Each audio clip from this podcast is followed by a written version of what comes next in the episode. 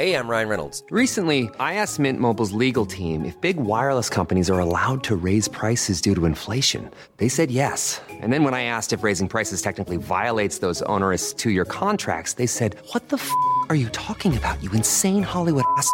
So to recap, we're cutting the price of Mint Unlimited from $30 a month to just $15 a month. Give it a try at mintmobile.com slash switch. $45 upfront for three months plus taxes and fees. Promo rate for new customers for limited time. Unlimited more than 40 gigabytes per month. Slows. Full terms at mintmobile.com.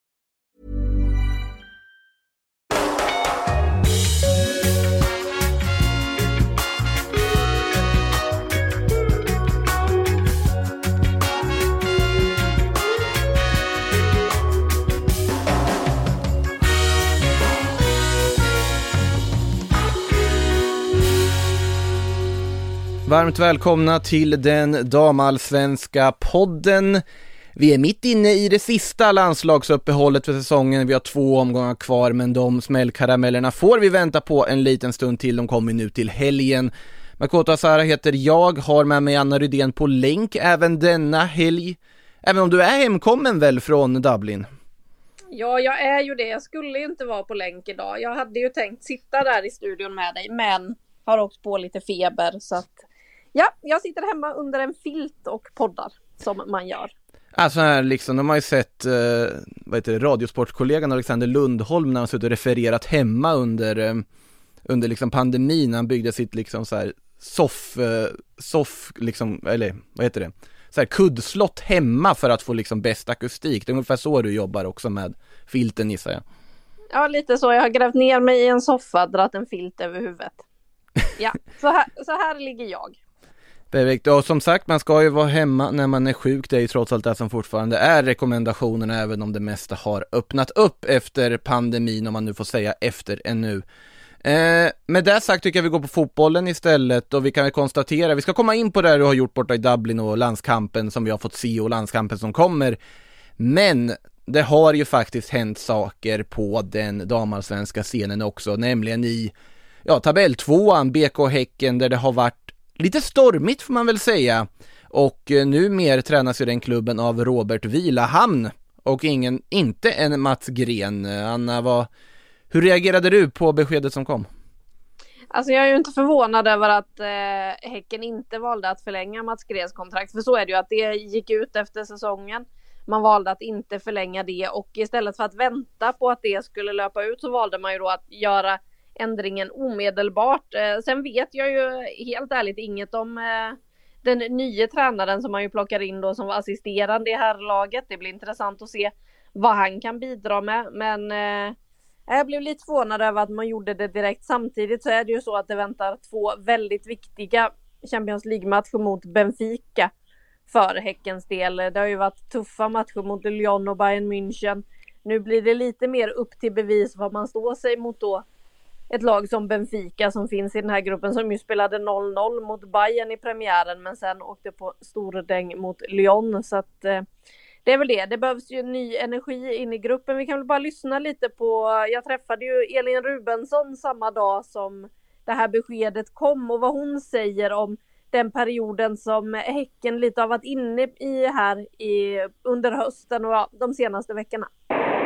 Men vi har ju varit inne i en svacka nu, det har vi. Eh, och det har varit lite energilöst. Eh, sen varför det har blivit så, det vet jag inte. Det har varit mycket matcher, det har varit tuffa matcher. Eh, men det blir så ibland. Det, jag tror alla lag har varit där. Så det gäller bara att ta sig upp igen. Nu väntar ju eh, några viktiga Champions League-matcher, kanske framförallt matcherna mot Benfica.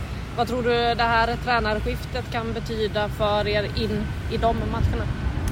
Nej, men som jag sa innan, att jag tror att det kommer ge oss lite ny energi. Eh, det är som du säger två väldigt viktiga matcher nu på rad mot Benfica som vi vill gå in och göra allt vi kan för att vinna såklart.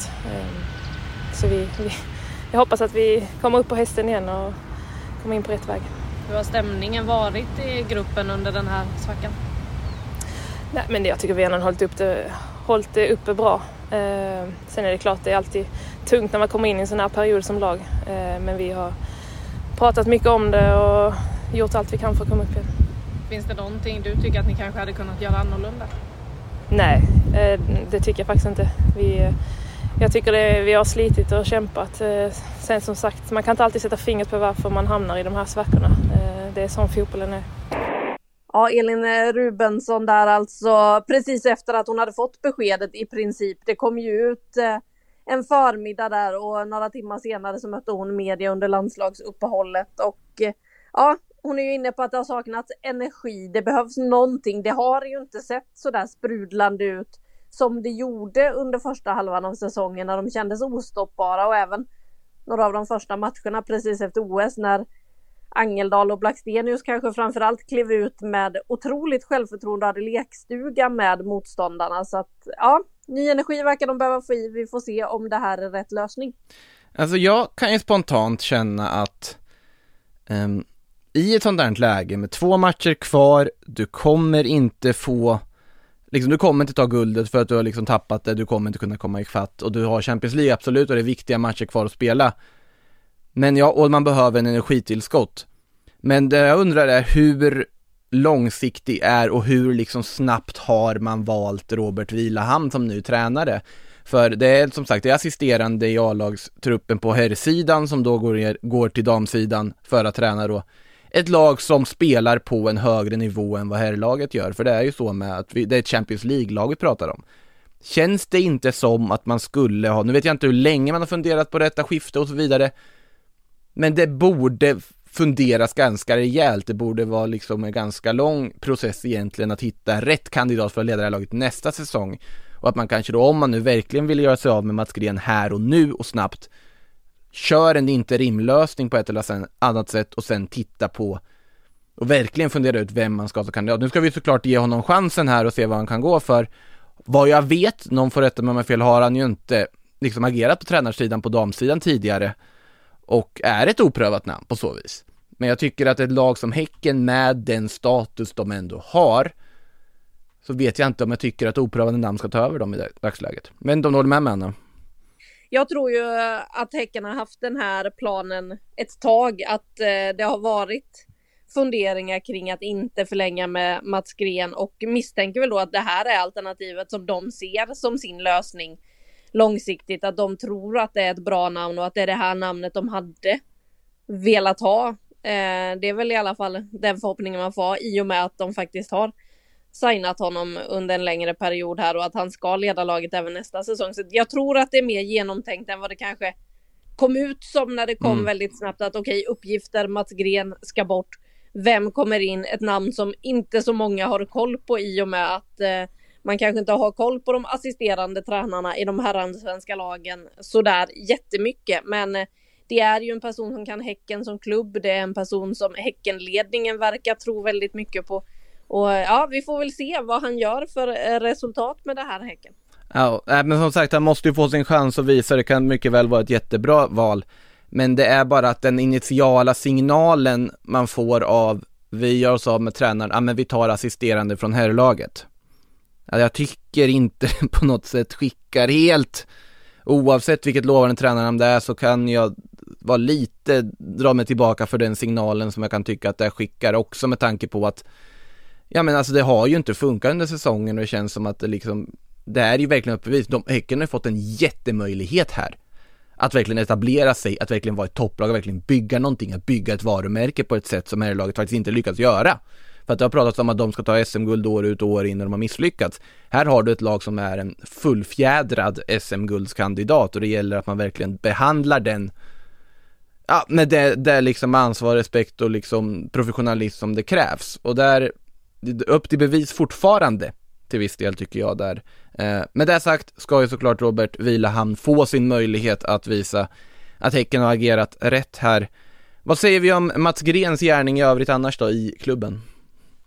Ja, han eh, har ju ändå tagit laget till Champions League. De mm. vann SM-guld, det första någonsin. Men det började ju också otroligt stökigt med att han började med att söka jobb i en ville ha en större utmaning eller vad, jag kommer inte ens ihåg hur det var han uttryckte sig inför förra säsongen. Men det var ju ett otroligt klantigt inlägg från LinkedIn som läckte ut eh, och som var starten på hela det här. Sen så lugnade ju det ner sig med tanke på att resultaten kom och sådär. Sen eh, förstår man ju de spelarna som är tveksamma till till exempel hur det hanterades senast med att Kullberg och Sigiotti bänkades. Men där är ju också frågan då hur mycket hade Mats Gren att säga till om och hur mycket hade klubben i sig att säga till om? Hur mycket kom från sportchef och ledningens håll med tanke på att Kullberg och Sigiotti inte vill förlänga?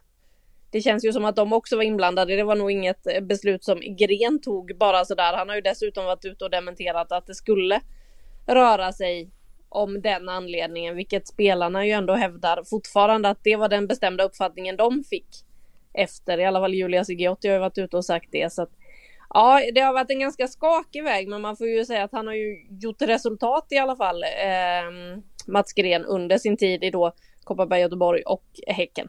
Ja, jag håller helt med där att resultaten säger sig självt även om det har varit svajigt den här säsongen. Eh, och sen såklart nu så, man minns ju närmast det som har hänt närmast i tiden och då är det ju liksom hela den här stökigheterna kring då Julia Sigiotti Olme och Emma Kullbergs situation nu är, verkar ju allting tyda på att de lämnar för andra äventyr utomlands vad det verkar ska det väl också vara dessutom. Vi får väl se vad det blir för klubbar som som det handlar om där och vad som händer men eh, stökigt i Häcken i alla fall. Eh, men har det påverkat det någonting? En, ja? en sak jag bara tycker är lite intressant där apropå Gren som jag håller på att glömma här. Det var ju att Eh, uppgifterna kom ju samma kväll som, eller eftermiddagen innan Sverige skulle möta Irland i VM-kvalet. Mm. Efter det så pratade vi med spelare som har Häckenkoppling. Det var Filippa Angeldal, det var Julia Sigiotti och det var Stina Blackstenius. Samtliga då. Angeldal har ju redan lämnat, Blackstenius och Sigiotti väntar man ju sig att de ska lämna efter säsongen. Men på frågan om att Gren så var det bara så här, inga kommentarer, inga kommentarer, jag är här just nu och det respekterar man ju fullt ut. Det som är lite intressant med det är att det är ju ingen av dem som på något sätt backar Mats Gren i det här. Det är ingen som säger att oj vad tråkigt det är. Rubensson var inne på då dagen efter när det blev officiellt och då har jag hunnit landa lite och hon har hunnit tänka efter innan hon pratar med oss. Men att man måste respektera klubbens beslut så att eh, ja, det är lite intressant vad det är som händer och sker i den där klubben. Ja, för det är ju ofta så att när en tränare lämnar så kan det ju vara ett tack för den här tiden, vi vann ett SM-guld tillsammans. Alltså att det finns ändå någonting där som att det kanske hade suttit, alltså det är ingen som hade dömt dem för att göra en sån, sån sen, liksom, signal. Sen kan det mycket väl vara så att det var bara att de ville fokusera på landslaget, absolut, och det är stökigt i klubben. Men såklart att det går att utläsa vissa saker från, eh, alltså att man inte helt enkelt eh, just svarar på den frågan vad Mats Green har betytt och så vidare för att som du var inne på Anna har han uppenbarligen lyckats med en hel del saker under sin tid i BK Häcken. Vi får väl se hur det löser sig med Robert Vilahamn vid rodret istället där. Eh, det är ju två matcher kvar att spela för Häcken och även för de andra lagen. Jag tänker vi stannar lite vid landslaget där ändå, för det är ju det som är på tapeten och agendan just nu i och med att det har varit en landskamp. Hur var det i Dublin? Eh, det var på matchdag kallt som fan kan jag säga. Det var en otroligt kall kväll i Dublin.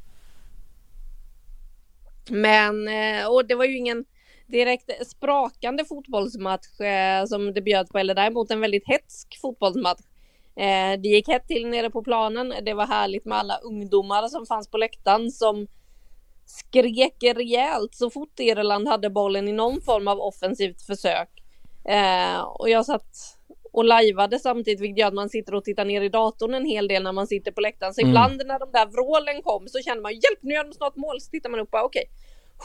Okay. Äh, de har bollen vid mittlinjen fortfarande. Okej, okay. bra. Jag kan andas. Jag hinner se vad som händer. Eh, men det är ju härligt med det där, den intensiteten, att få tillbaka publiken och givetvis också att Sverige vinner en sån match. Att eh, det faktiskt blir, även om det är ett skitmål, eh, så räknas skitmål precis lika mycket som drömmålen. Och det där skitmålet, ja, det räckte för tre poäng i en av de tuffaste bortamatcherna man har i det här kvalet. Så jag tror att Sverige ändå är relativt nöjda med den insatsen. Sen blir det ju intressant att se nu, för nu väntar ju en träningslandskamp mm. mot Skottland imorgon. Där eh, Gerhardsson har varit väldigt tydlig med att han kommer att rotera Det kommer roteras en hel del från Gerhardssons sida så att nu får vi nog se nästan alla som vi inte fick se i första matchen. Ja, det kan möjligtvis att han kanske inte byter målvakt i halvtid. Eh, skulle visserligen inte förvåna mig om han gör det också. Eh, den gode Gerhardsson för att han vill få se så många spelare som möjligt i den här matchen. Men eh, det ser man ju också på vilka han har skickat fram till media de senaste dagarna. Det är de som normalt sett kanske är bänkspelare, de som inte är med i startelvan. Och det tyder ju på att eh, jag tror att många av dem som startade mot Irland vilar mot Skottland.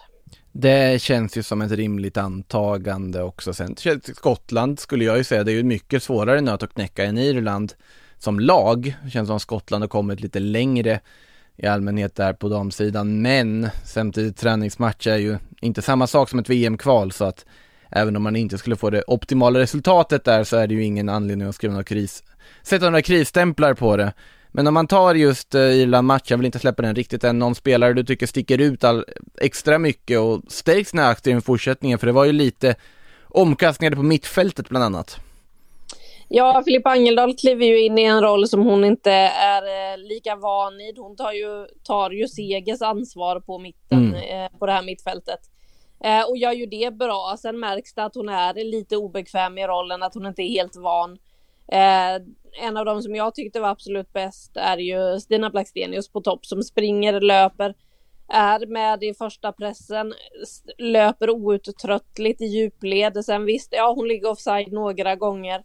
Eh, men det är de där löpningarna från henne som skapar lägena. Det är det, så målet kommer till. Så att jag tycker väl att Stina gör det väldigt bra. Magda är ju stabil i mittbacksrollen igen, dessutom med kaptensbinden på armen i den här mm. matchen. Så att det är väl de spelarna som sticker ut i den här matchen skulle jag säga. Framförallt eh, Stina Blackstenius. Ja, och som sagt tre viktiga poäng kvar. Sverige fortsatt Tre, tre vinster av tre möjliga och eh, stormar vidare mot det som, ja, allt annat än att de tar sig till ett mästerskap hade ju varit ett fiasko av sällan skådat slag, men samtidigt resultaten ska tas också, man ska lyckas med kvalet och du ska ta dig dit och det är Sverige på god väg just nu att göra som planerat. Eh, ja, ska vi blicka mot det som händer i helgen då? Alltså ja, vi har ju Skottland-matchen som sagt och efter den så är vi tillbaka och näst sista omgången i årets damallsvenska uppdelad faktiskt på med två matcher per, äh, tre dagar och två matcher på varje dag så det finns goda möjligheter att se mycket fotboll den här helgen. Något särskilt, nu är det ju så att nu är ju guldstriden avgjord, nu har Rosengård, de har väl firat där på sina olika håll och så vidare. Eh, häcken kommer inte komma ifatt, men den strid som lever i allra, allra, allra högsta grad, det är ju den om Champions League-platsen, den tredje, tredje plats som ger Champions League-kval Kristianstad som gick om senast på målskillnad nu, alltså har den just nu före Eskilstuna. Vi har Vittsjö på tre poäng bakom, vi har Hammarby på fyra poäng bakom, KIF Örebro på fem poäng bakom ska väl också läggas till i hela den här ekvationen. Där teoretiskt sett fortfarande skulle kunna gå hela vägen till att KIF Örebro tar den, det ska dock väldigt mycket till. Eh, va, vad tror vi? Alltså det, jag tycker det är jättesvårt att veta för det finns Kristianstad har sett betydligt bättre ut här på hösten men jag tycker att Eskilstuna som helhet under säsongen har varit ett bättre lag. Ja, det håller jag med om. Sen så tittar jag vad de har för matcher kvar och ja, Kristianstad möter Växjö hemma, möter Piteå borta. Det känns ändå som att man kan ta poäng i de matcherna. Visst, Piteå kommer vara svårt. Vi vet inte vad det är för väder där. Mm. Den 6 november eh, i den bortamatchen. Eskilstuna möter ju topplagen och visst, toppstriden är avgjord, men Rosengård som de har nu först. Ja, det är ett Rosengård som ska fira guldet tillsammans med sin publik och borde vilja bjuda upp till dans mm. i den matchen. Det är då man ska fira tillsammans med alla på plats i Skåne och också fira tillsammans allihopa igen.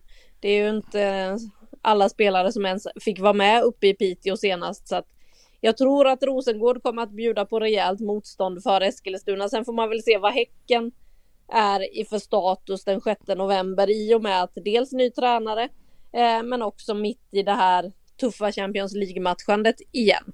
Mm. Det kommer börja ta fokus så att ja, nej, jag tror kanske att jag ska hålla en, eh, eller skulle lagt en slant på Kristianstad om jag skulle vara tvungen att göra det nu. Jag håller nog med för att sett till Rosengård vad de är för lag eh, de kommer ju inte acceptera något annat än en planenlig seger hemma mot Eskilstuna när de ska fira ett guld. Det hade ju varit en sån otrolig smolk i bägaren för dem att typ bara få oavgjort eller förlora en sån match hemma inför publiken. Så och att Växjö då, ja det är ju ett Växjö i och för sig som på något sätt vill avsluta på fin fot som vill liksom visa att ja, vi är inte så usla som tabelläget visar. Växjö som ju då liksom är klara för Elitettan nästa säsong med blott åtta inskrapade poäng och blott sex gjorda mål på 20 matcher. Eh, de kommer ju dock vilja visa att de är ett bättre lag än vad den tabellraden visar borta mot Kristianstad. Och jag är inte helt övertygad om det Kristianstad har visat den här säsongen. Det har jag inte varit egentligen på något steg. Jag tycker att det finns problem, men samtidigt det finns väldigt stort sparkapital i det här laget. Det finns väldigt hög högsta nivå i det här laget. Men och i och med de resultaten som har fallit den senaste tiden så tror jag väl också att Kristianstad Det är Kristianstads plats att tappa just nu. Det är det som i alla fall är känslan, att det är Kristianstad som sitter i ett ganska stort förarsäte. Sen ska man väl inte räkna bort om Kristianstad då skulle åka på åka på någon plump där så har vi ju Vittsjö som ligger bakom. De har AIK borta, ett AIK som har säkert kontraktet. Och sen då, ja, formstarkt må så vara, KIF Örebro sänder efter i slutomgången på hemmaplan. Så att Vittsjö vill jag inte heller helt ännu plocka bort från den här striden. Och sen då såklart Hammarby som, ja, hemma vet vi att de är starka med sina fans i ryggen, får se hur många som ansluter för matchen mot Linköping på lördag. Och sen då därefter i slutomgången så är det ju Växjö borta. Så ja, men vad säger du, kan vi, ska vi räkna bort Hammarby och till och med, ja, KIF Örebro ska ju till, alltså mirakulösa resultat åt alla möjliga håll och kanter för att det ska bli av. Men eh, Hammarby, kan vi räkna bort dem helt? Ja, helt och helt, men eh, jag skulle väl ändå säga, alltså med tanke på att de ligger fyra poäng efter så måste ju eh, mycket till för att de ska in och stöka. Det känns ju som att mycket ska till även för att Vittsjö ska ge sig in i det, även om det kan bli så att de, ja, de slår AIK på bortaplan så är man uppe på samma poäng ändå som eh, Eskilstuna och Kristianstad. Eh, som då har en match mindre spelad med tanke på att de spelar söndag och måndag sen. Eh, men då sätter man ju lite press på de två lagen genom att själva blanda sig i det. Så att Vittsjö får vi väl räkna in, men Hammarby tror jag att vi kan räkna bort. Jag håller återigen med, det blir väldigt rolig podd när vi sitter och håller med varandra om det mesta. Då, kom, då kommer man inte så långt i diskussionen. Existerande. Landslagsuppehåll som det kallas, då, då är det ganska lugnt. Eh, något annat som eh, du funderar över inför eh, det som komma skall? Nej, det är ju framförallt eh, den här striden om tredjeplatsen. Vilka drar det längsta strået och får, får spela Champions League? Det är ju det som känns som det intressanta eh, som eh, väntar oss här. Och det är ju en stor grej att ta den där tredjeplatsen nu i och med att det innebär Europaspel. Möjligheten till att kvala in till ett Champions League och med tanke på Kristianstad som ju fick det tufft direkt efter att de hade kvalat sist. De gjorde ju ett helt okej kval eh, när man vann första matchen sen. Fick stryk mot Bordeaux i den avgörande matchen för att komma in i samma kvalrunda sen som Häcken och Rosengård. Det var ju mm. därefter de lite tappade stinget i damallsvenskan, hade lite svårt att komma tillbaka så att jag tror att de eh, suktar väldigt mycket efter den där Champions League-biljetten. Och eh, ja, det ska bli intressant att se hur de hanterar det de två sista omgångarna här, för det är ju ett lag som inte har bländat oss alls på samma sätt som de gjorde i fjol. För i fjol var det ju ett lag eh, som var väldigt mycket rock'n'roll, släppte in en hel del mål i början av säsongen men sen lyckades täta det där ganska bra. Och då bara fortsatte att ösa in mål framåt. Eh, man har inte riktigt lyckats med det där i år. Man glänser inte på samma sätt som man gjorde i fjol men man kan alltså ändå ta den där tredjeplatsen och det vore otroligt starkt av Kristianstad att göra en sån uppryckning skulle jag säga. Ja, och eh, men det ska i alla fall sägas att det är uppenbart att de tror på vägen de har valt. För det är väl någonting som också har börjat ploppa in här nu under landslagsuppehållet är ju annonserade kontraktsförlängningar, för det vet vi alla att det är många kontrakt som sitter på utgående status. Där är det ju intressant läge också för Kristianstad, att jag tror nog att vissa spelare så kan det nog vara avgörande, CL-plats eller inte, huruvida man har, är intresserad av att förlänga och fortsätta i KDFF. Eh, det är i alla fall klart att eh, trotjänaren, får vi kalla henne, Beta Gunnarsdottir, inte är klar, som de skriver på sin hemsida. Beta är inte klar med KDFF och KDFF är inte klar med Beta. För hon har ju förlängt sitt kontrakt som tränare där i Kristianstad. Dessutom nyligen blev det officiellt också att eh, på tal om trotjänare, Alice Nilsson ska göra sin tjugonde säsong i Kristianstad. DFF, bara det är otroligt, otroligt nummer egentligen. Alltså att 20 säsonger, då har man ju såklart räknat också hela vägen från flicklagen när hon var liten och vidare. Men likväl, 20 säsonger i KDFF blir det alltså för Alice Nilsson nästa säsong, förlängt till 2023. Kajsa Törnqvist dessutom också förlängt sitt kontrakt. Eh, men till att börja med att eh, Beta Gunnarsdottir förlänger och att man fortsätter med henne vid rodret, det känns ju som ett helt uppenbart och rätt val för, från Kristianstads del. Ja, hon eh, prisades ju som årets tränare i fjol eh, på vår gala Damallsvenskans bästa efter det hon gjorde med Kristianstad då och kände ju att hon inte kunde lämna det bygget när de skulle ut i Europa. Det fanns ju möjlighet för henne att eh, flytta hem till Island, att ta över landslaget eh, rent av, men hon ville vara kvar på den här resan och eh, ja, det känns ju givet det som hon har lyckats bygga där. Hon är ju Kristianstad, så är det ju bara. Det är det första man tänker på när man tänker på KDFF, det är beta. Mm.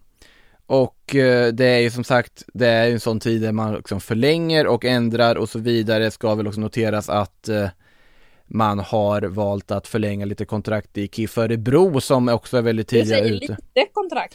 Ja, lite var väl en underdrift med tanke på hur många spelare. Vi var ju inne lite på Anna Sandberg förra veckan, men de har ju adderat Jenna Hellström, Frida Abrahamsson och så vidare till den skaran också eh, med nya kontrakt. Nathalie Persson även skrivit på hon för ett nytt avtal i KIF Örebro. Jag tycker det här är ganska imponerande, där de gör och det är ganska tydligt att de har en väldigt, väldigt tydlig plan i fortsättningen då att de vill ändå satsa långsiktigt.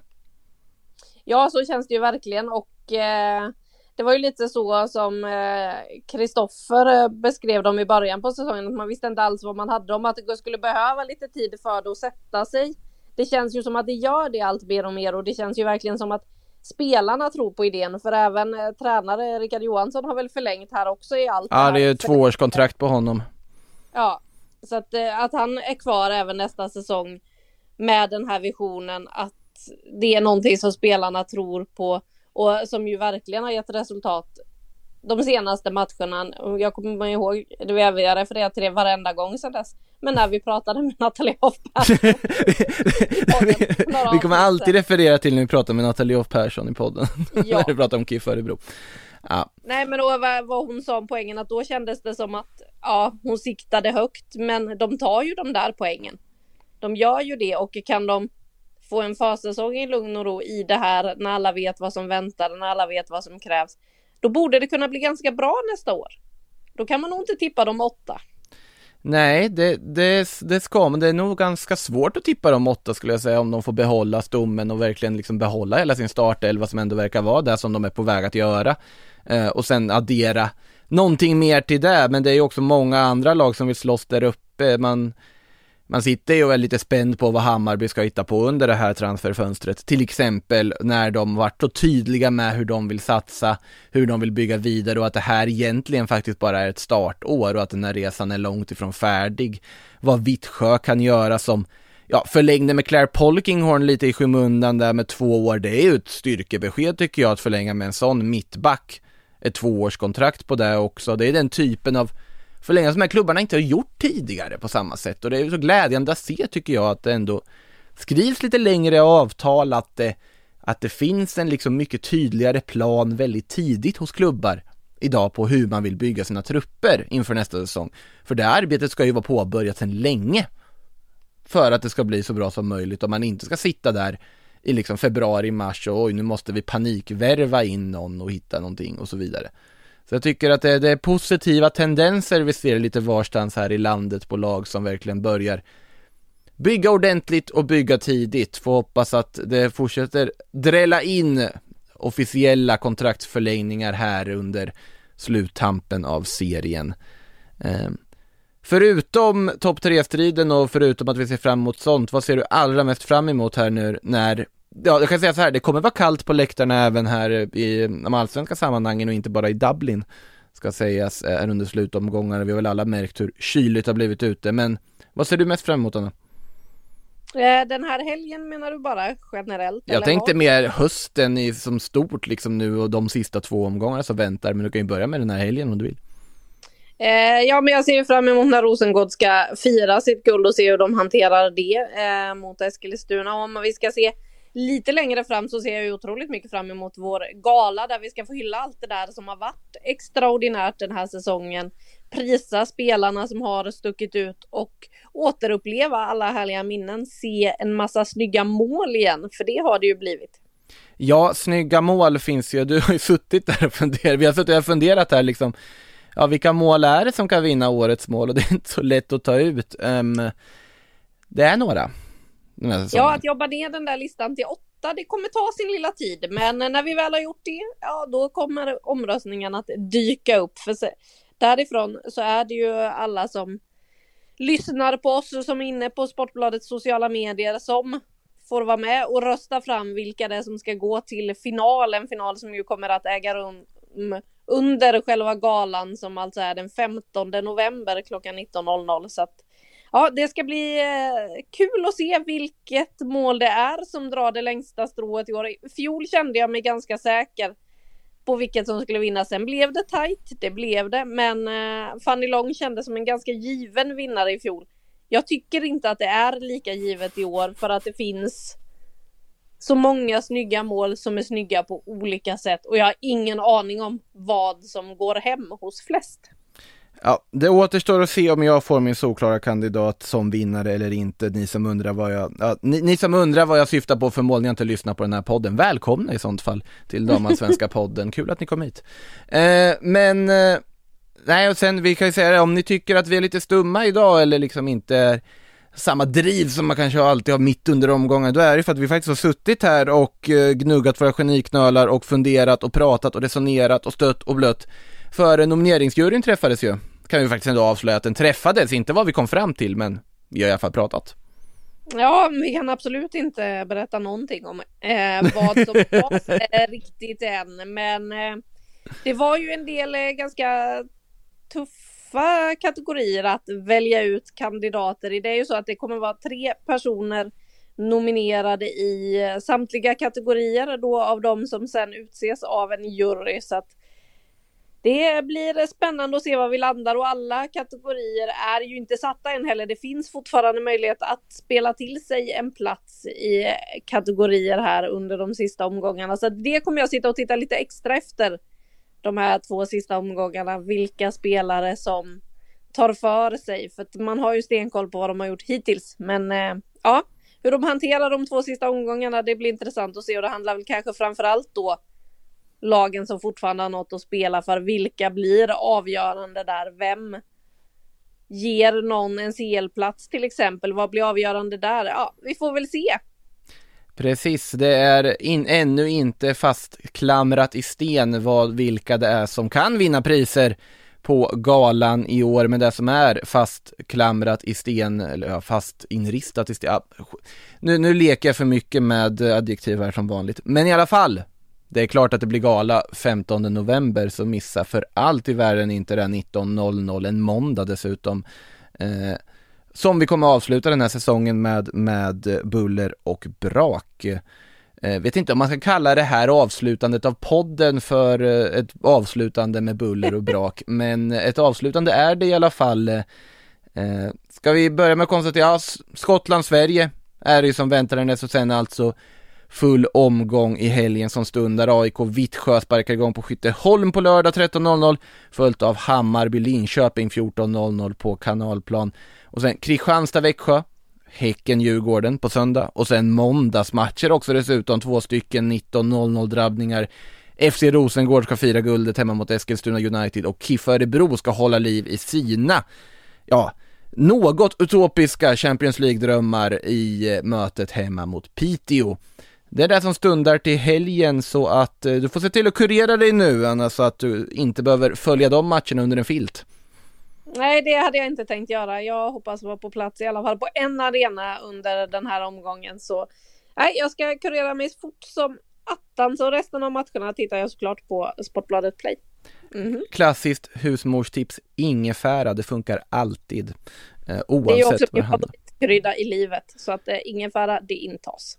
Perfekt, då ska du få inta ingefära och eh, vi tackar er som har lyssnat för att ni hängde med detta landslagsuppehåll. Damallsvenska podden är tillbaka med mer fotbollsrelaterat och matchrelaterat såklart nästa vecka. Till dess, ha det gott!